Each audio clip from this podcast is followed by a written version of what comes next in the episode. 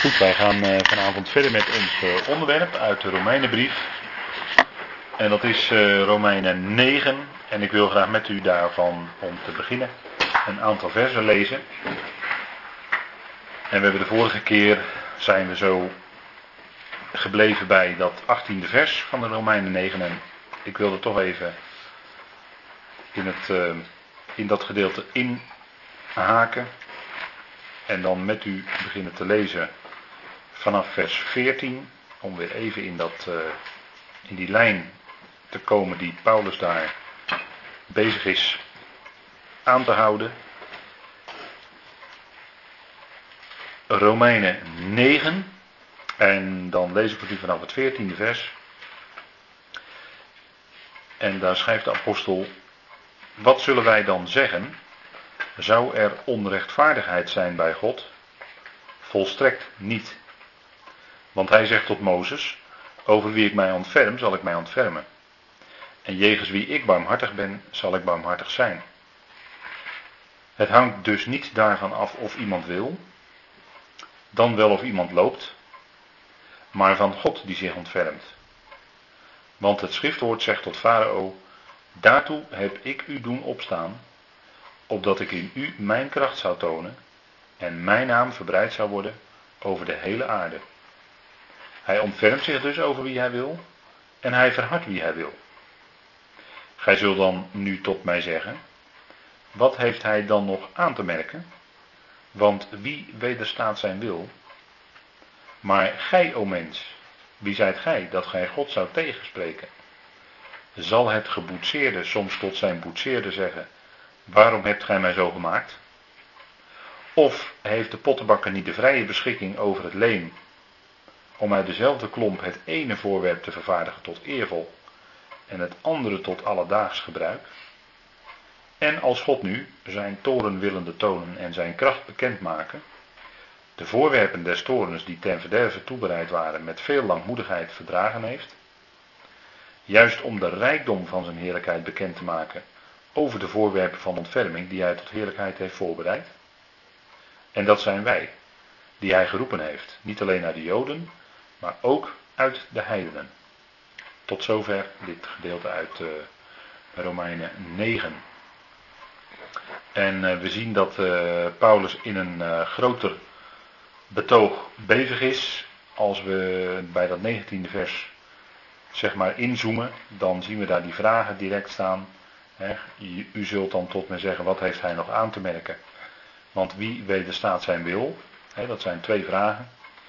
En dan moeten we toch eventjes uh, kijken naar het voorgaande gedeelte, want die vragen worden natuurlijk gesteld naar aanleiding van vers 14 eh, tot en met 18.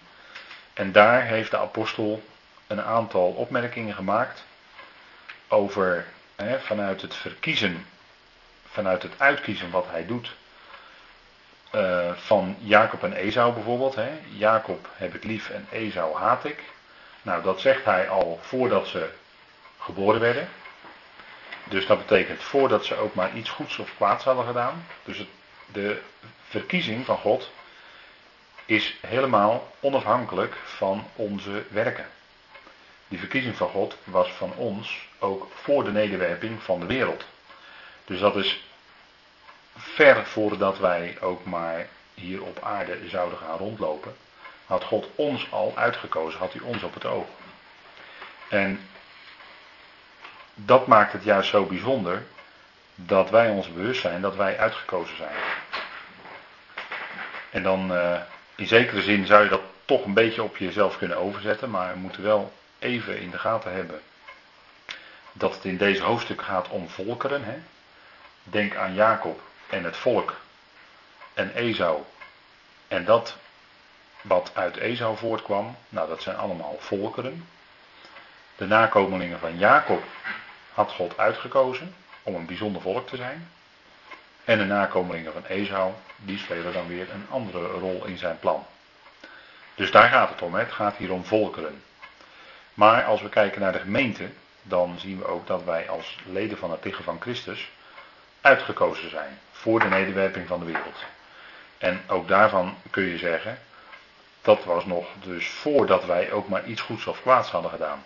Dus hè, die, die dat hele uitkiezen wat God doet, dat staat helemaal los van onze eigen werk. Hè? Dat is natuurlijk op zich al iets geweldigs.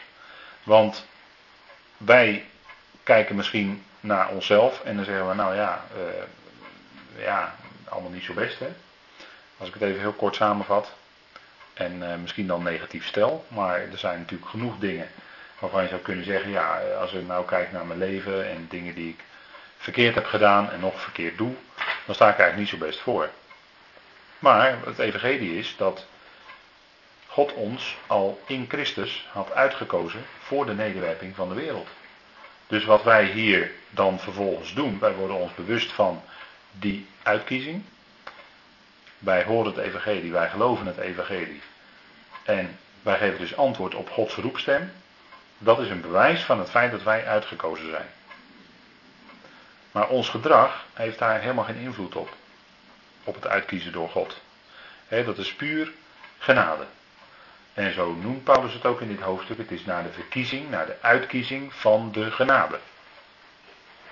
God kiest uit en dat doet hij vanuit zijn genade. Dat doet hij vanuit zijn liefde. Dat heeft Paulus onder andere hier opgemerkt. Het uitkiezen van God. En daar kwam dan direct al die vraag bij te pas. Van zou er dan onrechtvaardigheid zijn bij God? Nou, Paulus zegt, uh, mogen dat niet gebeuren, dat wij dat, die conclusie zouden trekken. En dat is ook niet zo. God handelt nooit onrechtvaardig. God handelt altijd in gerechtigheid. God handelt altijd in overeenstemming met zijn rechtvaardigheid. God zal nooit iets doen wat tegen zijn eigen gerechtigheid ingaat. Dus wat hij ook doet, we kunnen er zeker van zijn dat God altijd handelt in overeenstemming met zijn gerechtigheid. want in het evangelie wordt Gods gerechtigheid geopenbaard. Zij Romeinen 1, vers 16 en 17. In het evangelie, daarin wordt zijn rechtvaardigheid zichtbaar. Uit geloof tot geloof, zegt Paulus dan. Het geloof van Christus, nou, dat is natuurlijk spreekwoordelijk voor ons geworden. Het geloof van Christus. En door zijn geloof ontvangen wij Gods gerechtigheid. Nou, dat is ook aan de orde hier in deze hoofdstukken. Ook in deze hoofdstukken wordt Gods gerechtigheid geopenbaard. Deze hoofdstukken, 9 tot en met 11, vormen ook een onderdeel van het evangelie. Van het goede bericht. Van het goede nieuws, de blijde boodschap. In deze hoofdstukken wordt ook Gods gerechtigheid geopenbaard.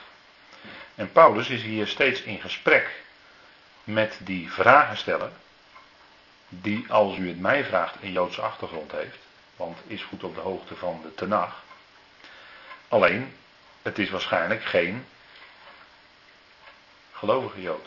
Je zou kunnen denken aan een heel erg orthodoxe Jood, zoals Paulus, Saulus er een was die heel kritisch luisteren naar wat uh, Paulus hier uh, te zeggen heeft allemaal. En ook hele kritische vragen stelt.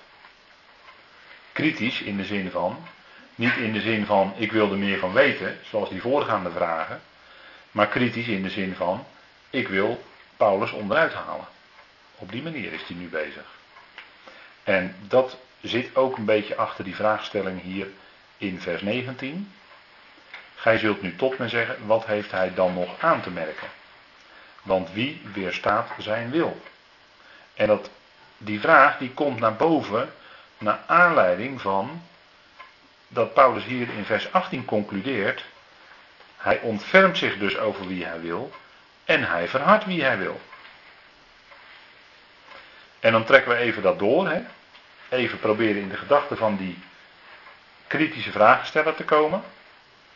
Kijk, als het nou zo is dat God verhardt wie hij wil en God ontfermt zich over wie hij wil, en dat wordt zo bijzonder geïllustreerd in die hele geschiedenis van het volk Israël en de farao, die uh, voor ja, het overgrote deel van de mensheid gewoon een bekende geschiedenis is. Hè, die vandaag aan de dag in films en noem maar op nog steeds uh, vertoond wordt. En in Israël wordt het aan de kinderen en de kindskinderen enzovoort wordt het steeds maar doorverteld. Elk jaar vieren ze dat, die uittocht bij Pesach. Dus het Joodse volk weet dat sowieso. Maar de meeste volkeren op deze aarde die weten dat ook. En toen helemaal in die tijd. Want Farao was dan degene die verhard werd. En Israël was het volk waarover God zich ontfermde. En naar aanleiding daarvan zegt Paulus dan, nou hij verhardt wie hij wil en hij ontfermt zich over wie hij wil. En als God het nou behaagt om Farao en de Egyptenaren te verharden, dan is dat zijn zaak. En als hij zich over Israël wil ontfermen, dan is dat zijn zaak. Maar dan komt dus weer die vragensteller en die zegt van ja, wacht nou eens even. Wat heeft hij dan nog aan te merken? Want hoe kan het dan zijn dat God over de farao straks nog een gericht gaat geven? En überhaupt, even afgezien van de grote witte troon, hè?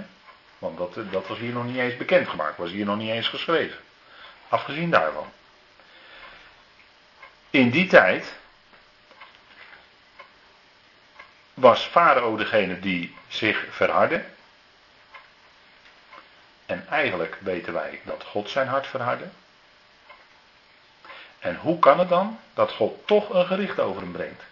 Door hem en uh, zijn soldaten en die legerwagens en die strijdwagens allemaal onder te laten gaan in het water van de Rode Zee. Hoe kan dat dan? Zegt die vragensteller. Hoe kan God nou over iemand die hij zelf verhard heeft, toch nog een gericht brengen? wat heeft hij nog aan te merken? Met andere woorden, in, wij leven nu in de tijd, zou ik ook nog kunnen zeggen. Dan trek ik het even door naar vandaag. Wij leven vandaag in de tijd waarin we zien dat allerlei mensen, of dat eigenlijk de hele mensheid, laat ik het even heel grof zeggen. De hele mensheid gaat steeds verder van God af. Het kwaad neemt toe, de zonde neemt toe, de mensen verharden zich. Maar dat is ook iets wat God heeft voorzegd. En dat is ook iets wat God door alle. Kijk, want dan, dan, daar komen we straks nog wel op. Maar door al die ontwikkelingen heen. is eigenlijk ten diepste God aan het werk. Want we weten dat het in deze tijd gaat naar zijn woord. Het moet zo gaan. En ten diepste is het zo dat God ook de schepper is van het kwaad. En dat hij dus dit alles wat nu gebeurt, eigenlijk in de allerdiepste zin ook bewerkt. En hoe kan het dan zijn? Zegt die vraagsteller. Hè? Hoe kan het dan zijn dat God dan toch nog iets heeft aan te merken? En dan zeg ik het even heel kort door de bocht. Op mensen die hij zelf verhard heeft. Hoe kan dat nou? Daar, daar komen we nog op. Hè? Um, kijk, want bij die farao, daar kun je dus bij laten zien dat God hem verhardde. Hoe weet ik dat? Kijk, meestal wordt er gezegd, en dat is misschien even een uh, leuk handvat voor als u met iemand in gesprek bent. Meestal zeggen mensen, of wordt het, wordt het uitgelegd, dat stuk van de farao met die plagen en noem alles maar op. Dan wordt er gezegd, ja, kijk, uh, God is zo dat hij geeft de mens, geeft hij een bepaalde speelruimte. En als die mens zich binnen die speelruimte gaat verharden tegen God, dan wordt er op een gegeven moment een soort eh, point of no return bereikt. dat, dat die mens als het ware zo verhard is geworden, dat daarna geen ommekeer meer mogelijk is en dat God die mens gaat verharden. Zo wordt het meestal uitgelegd. Dus de farao verhardde zich en dan kwam op een gegeven moment een bepaald punt en vanaf dat punt ging God zijn hart verharden. Zo wordt het uitgelegd. Nou, je kan laten zien, en gaan we even terug naar de Torah, Exodus 4. Je kan namelijk laten zien dat van tevoren eigenlijk al vast lag dat God dat hart van die farao ging verharden.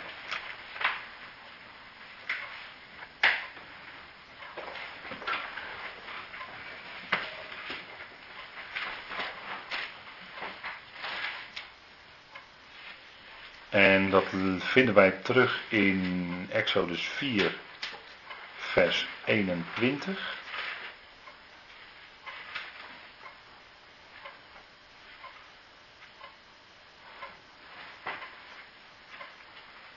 En dan, krijgt, eh, dan is Mozes in Midian bij Jethro, zijn eh, schoonvader.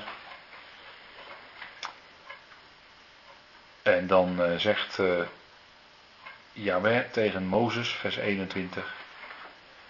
Nu gij gaat terugkeren naar Egypte, zie toe dat gij voor het aangezicht van Farao al de wonderen doet die ik in uw macht gesteld heb. Maar ik zal zijn hart verharden, zodat hij het volk niet zal laten gaan. En dat is dus wat Yahweh dus eigenlijk al van tevoren tegen Mozes zegt. Hij verhardt, hè, Yahweh verhardt het hart van de farao. En als je dan de geschiedenis verder leest, dan zie je eigenlijk dat Farao's hart helemaal niet zo hard was. Farao zei eigenlijk al vrij snel van ga maar, ga maar. En als dan die plaag, hè, als, als ze dan tegen Mozes had gezegd van nou, als jij die plaag kan laten stoppen, dan zal ik het volk laten gaan. Dus eigenlijk na een plaag of twee, drie, ik weet het niet uit mijn hoofd, maar zoiets, zei Farao dat al tegen Mozes. En daaruit bleek dat Farao's hart niet hard was, maar zwak. Want hij was, door, door die plagen was hij al heel snel overstag. En zei hij van nou, als jij bidt tot jouw God, dan zal ik, jou, dan zal ik jullie laten gaan uit Egypte. Dus Farao's hart was helemaal niet zo hard. Maar wat gebeurde er? De plaag stopte en het hart van Farao werd verhard, zeg ik dan. Door wie? Nou, niet door hemzelf, maar door God. Want hij liet dan het volk vervolgens niet gaan. Nou, u weet hoe het gegaan is, hè? dat is diverse keren dan gebeurd na plagen. Dat Farao eerst zei van, oké, jullie mogen gaan. En dat vervolgens, eh, als de plaag was opgehouden, liet het volk alsnog niet gaan. Wie bewerkte dan die ommekeer in dat gedrag van de farao? Nou, dat was ten diepste Yahweh natuurlijk. Die bewerkte dat, die verhardde dat hart. En dan lezen we wel de ene keer van, en farao verhardde zijn hart. Maar in feite uh, was Yahweh daar aan het werk. En dan lees je later, echt expliciet ook, in Exodus bij die plagen, dat Yahweh het hart van farao verhardde. Dan staat het er gewoon ronduit. Maar in die gevallen dat Yahweh er niet bij staat, was hij toch degene die het hart van de farao verhardde. Nou, dat is wat Paulus hier naar voren brengt. Dan gaan we even terug naar Romeinen 9.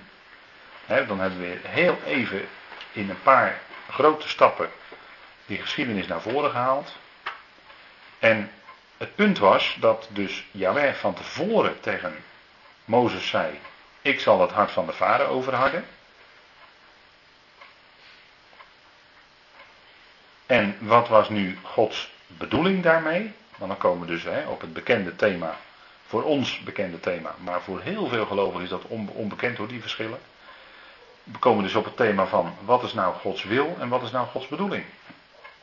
In de geschiedenis van Farao en Israël was Gods bedoeling, wat in uh, Romeinen 9 vers 17 staat, en wat dus een citaat is uit uh, Exodus. En daar zegt Paulus, want het schriftwoord zegt tot Farao, nou dat is natuurlijk eigenlijk God zelf die spreekt, daartoe heb ik u doen opstaan, letterlijk staat er, daartoe heb ik u uitverwekt. Dus degene die Farao liet opkomen, degene die Egypte tot een wereldrijk, want het was, Egypte was een wereldmacht in die dagen, degene die Egypte tot een wereldrijk deed ontwikkelen, was in feite ook God. En degene die Farao dus tot die grote macht deed opklimmen, was ook God. Want dat staat hier, hè. Daartoe heb ik, zegt God, u, Farao, uitverwekt, opdat ik, zegt God, in u, Farao, mijn kracht zou tonen en mijn naam verbreid zou worden over de gehele aarde. Dat was Gods bedoeling. En zijn, hè, wij zeggen dan dat was Gods verborgen bedoeling. Hij had het wel bekendgemaakt, maar alleen aan Mozes. En voor de rest wist nauwelijks iemand wat God daarvan gezegd had. Dus dat was Gods verborgen bedoeling. En zijn geopenbaarde wil was, en die maakte die bekend aan de farao, laat mijn volk gaan. Dat was Gods wil. En daar ging farao recht tegenin. En als je tegen Gods wil ingaat, dan zondig je. Dat lijkt me duidelijk, hè? Als we tegen Gods wil ingaan, dan zondigen wij. God heeft zijn wil in zijn woord geopenbaard. Gaan wij daar als mensen tegen in, dan zondigen wij. Dus farao die zondigde door tegen Gods wil in te gaan. En zijn hart werd verhard. En daardoor kon hij ook tegen Gods wil ingaan. Daarmee zien we, als we zo dan aan de hand van Paulus terugkijken op die geschiedenis, daarmee zien we dat God degene is die alle touwtjes in handen heeft. Zowel de negatieve als de positieve, om het zo maar te zeggen. God die trekt aan alle draadjes.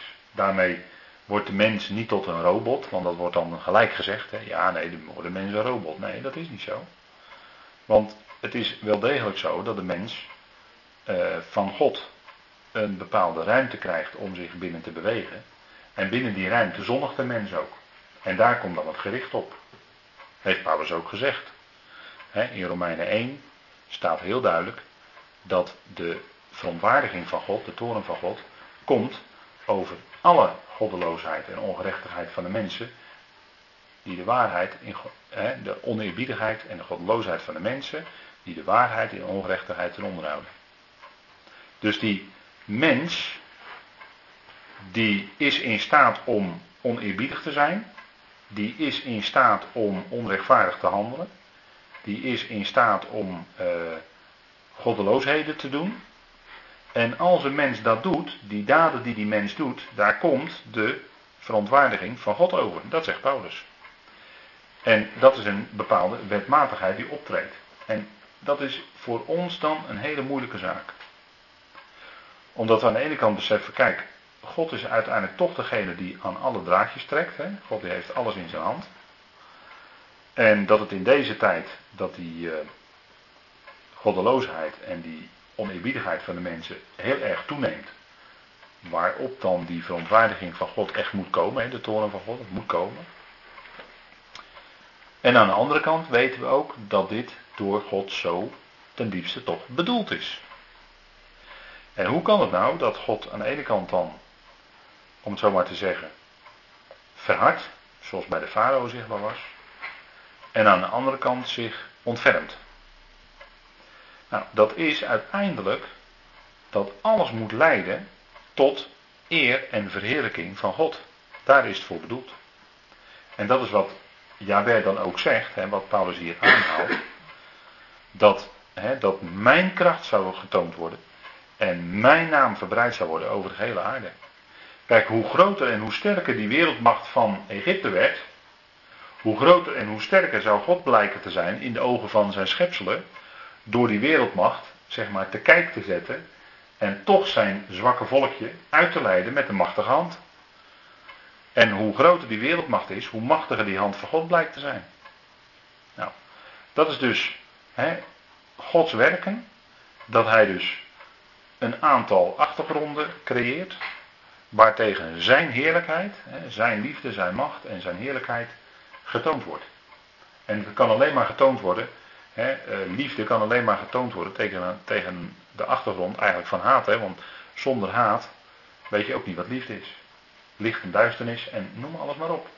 al die tegenstellingen. Nou, zo werkt God en daar door die tegenstellingen heen leren wij kennen wie God is. En daar is het voor bedoeld uiteindelijk. Nou, dat is ook wat hier in dit gedeelte naar voren komt. dat is, dan zeggen we dan met één woord, dat is Gods soevereiniteit. Dat we zeggen, God is soeverein. God staat ver boven alles. En hij handelt zoals het hem behaagt. En het leidt tot zijn heerlijkheid. Maar het leidt uiteindelijk ook tot redding van zijn schepselen. En die delen dan ook in die heerlijkheid. Dus uiteindelijk zullen alle schepselen delen in Gods heerlijkheid. Dat is zijn uiteindelijke plan. Hè?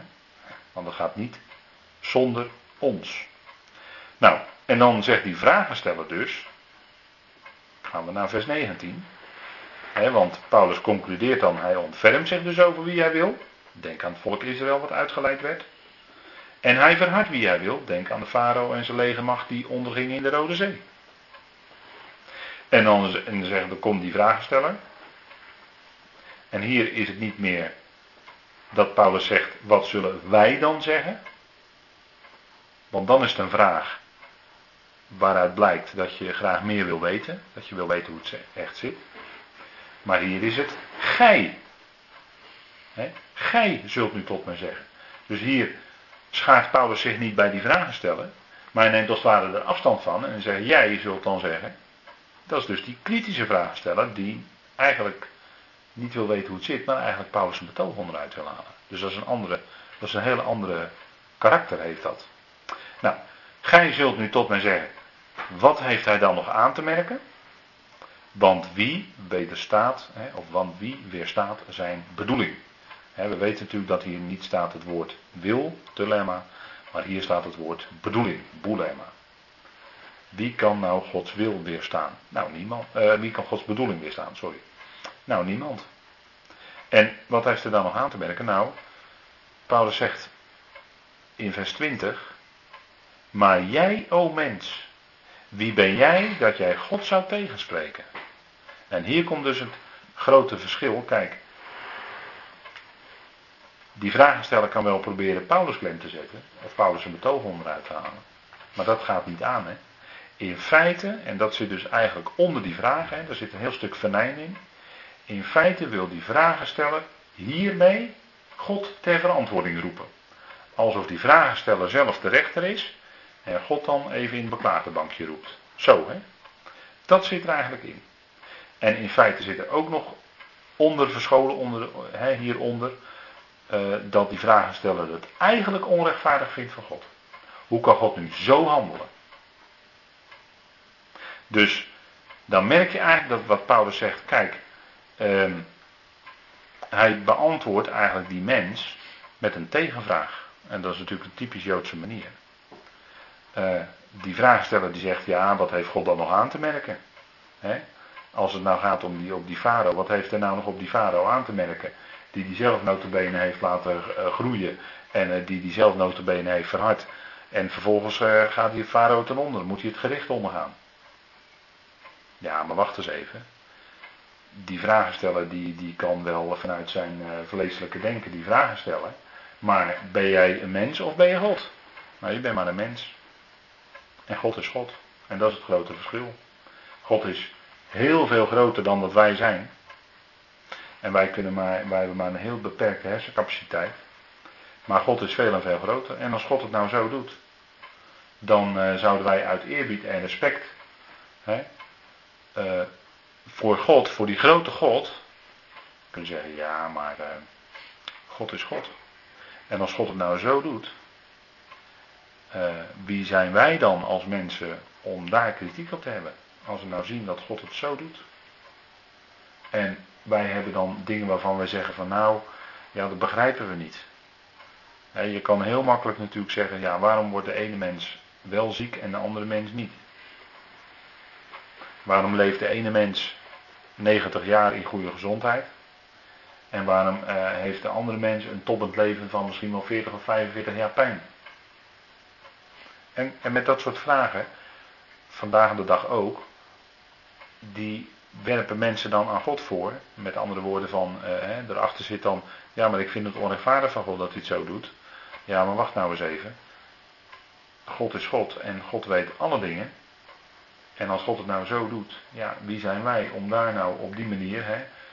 Want je komt er niet uit. Dat, hè, even zo. Maar veel belangrijker is, eh, hè, behalve dan dat je er toch niet uitkomt, uh, veel belangrijker is, het is Godzaak. En uh, om, het, om het zo te doen. En natuurlijk is dat voor ons mensen dan best wel moeilijk. En kan een hele worsteling zijn. Maar uiteindelijk uh, mogen toch beseffen dat we een geweldig groot God hebben die genadig is en barmhartig en liefdevol. En mensen die met, met dit soort dingen, uh, met, met ziektes, met oorlogen, stellen mensen altijd de vraag direct aan God. Alleen, uh, ja, wat ik net al zei, kijk, die mens is geen robot en die heeft toch een zekere speelruimte van God gekregen. En oorlogen worden ook, ja, die komen op een bepaalde manier tot stand. Maar dat is ook, hè, dat is uh, vaak uh, een, een, werk van de ene, de ene mens tegen de andere. En natuurlijk spelen daar geestelijke machten ook wel een hele belangrijke rol in. Alleen om daar hè, zoals die vragensteller hier ook doet, dan als het ware God voor ter verantwoording te roepen, dat is toch te hoog gegrepen van de mens. Dat is gewoon te hoog gegrepen van de mens. God is God, hè? Dat zegt Paulus hier ook. Wie ben jij? Dat je God zou tegenspreken. En in het woord tegenspreken, daar zit, uh, daar zit ook het woord, uh, Griekse woord anti zit daarin. Maar in, dat tegen, in dat spreken zit ook nog iets van uh, het woord beoordelen, het woord oordelen in het Grieks. Dus het, is niet alleen tegenspreken, maar door dat spreken heen blijkt ook dat die vragensteller al een bepaald oordeel ook heeft over God. En eigenlijk God veroordeelt. Daar komt het eigenlijk op neer. Hè? Dat, dat, dat onrechtvaardige. Je proeft gewoon dat die vraagsteller vindt dat God hiermee onrechtvaardig is.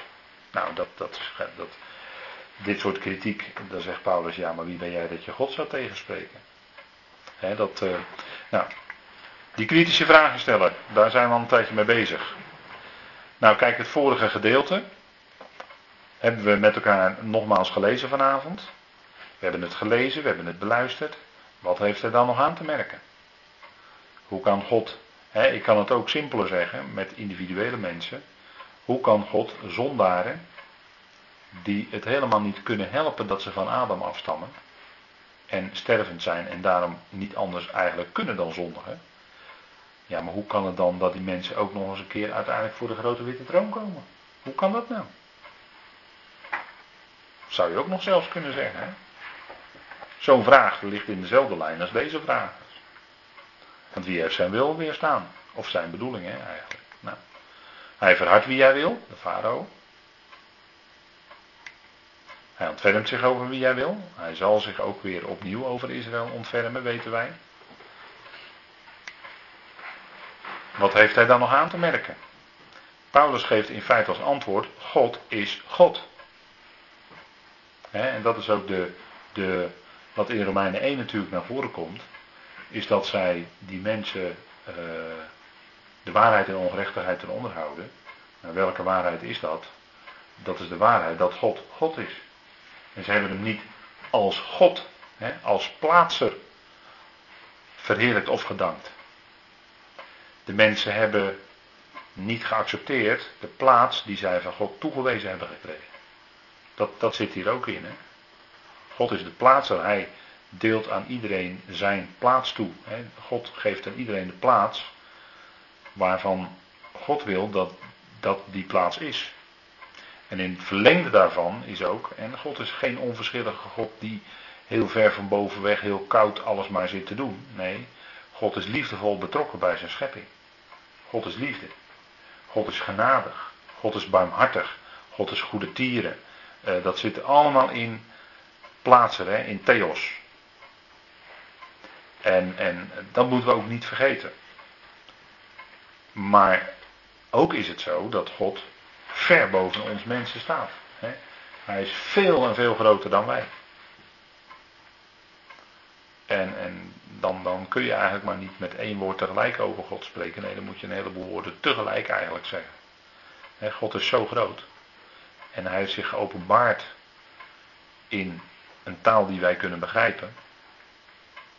En dat is wat zijn woord doet. God openbaart zich. Nou, hij openbaart zich als degene die ieder de juiste plaats geeft. En uiteindelijk blijkt dat een plaats te zijn ook in zijn hart. want die, hij is natuurlijk verbonden met zijn schepselen. Het is zijn schepping, het zijn zijn schepselen. Hij heeft ze lief en hij zal ze nooit uit zijn hand laten vallen. En binnen dat grote, grote plan van hem werkt hij alles uit. Nou, God is de plaats. Dat is in feite het antwoord wat Paulus geeft. Hè? Wie ben jij dat je God zou tegenspreken? Die grote God. En hoe kun je dat nou doen, zegt Paulus in feite. Want wie heeft zijn wil weerstaan? Wil is hier bedoeling, hè? Hier staat het woord boulema in het Grieks. Hier staat niet telema, maar hier staat boulema. Nou, niemand kan Gods wil, uh, sorry, Gods bedoeling weerstaan. Ook de farao niet.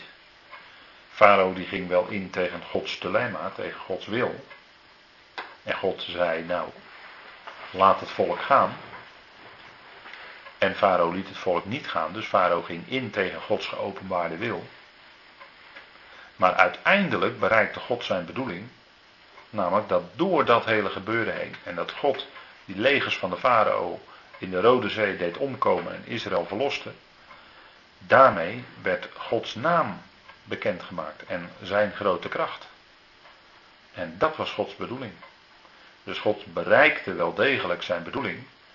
En hoe dan ook, Farao met al zijn kracht en macht en, en, en uh, geweldige hoge positie die hij had in de ogen van mensen, die kon zijn bedoeling niet weerstaan.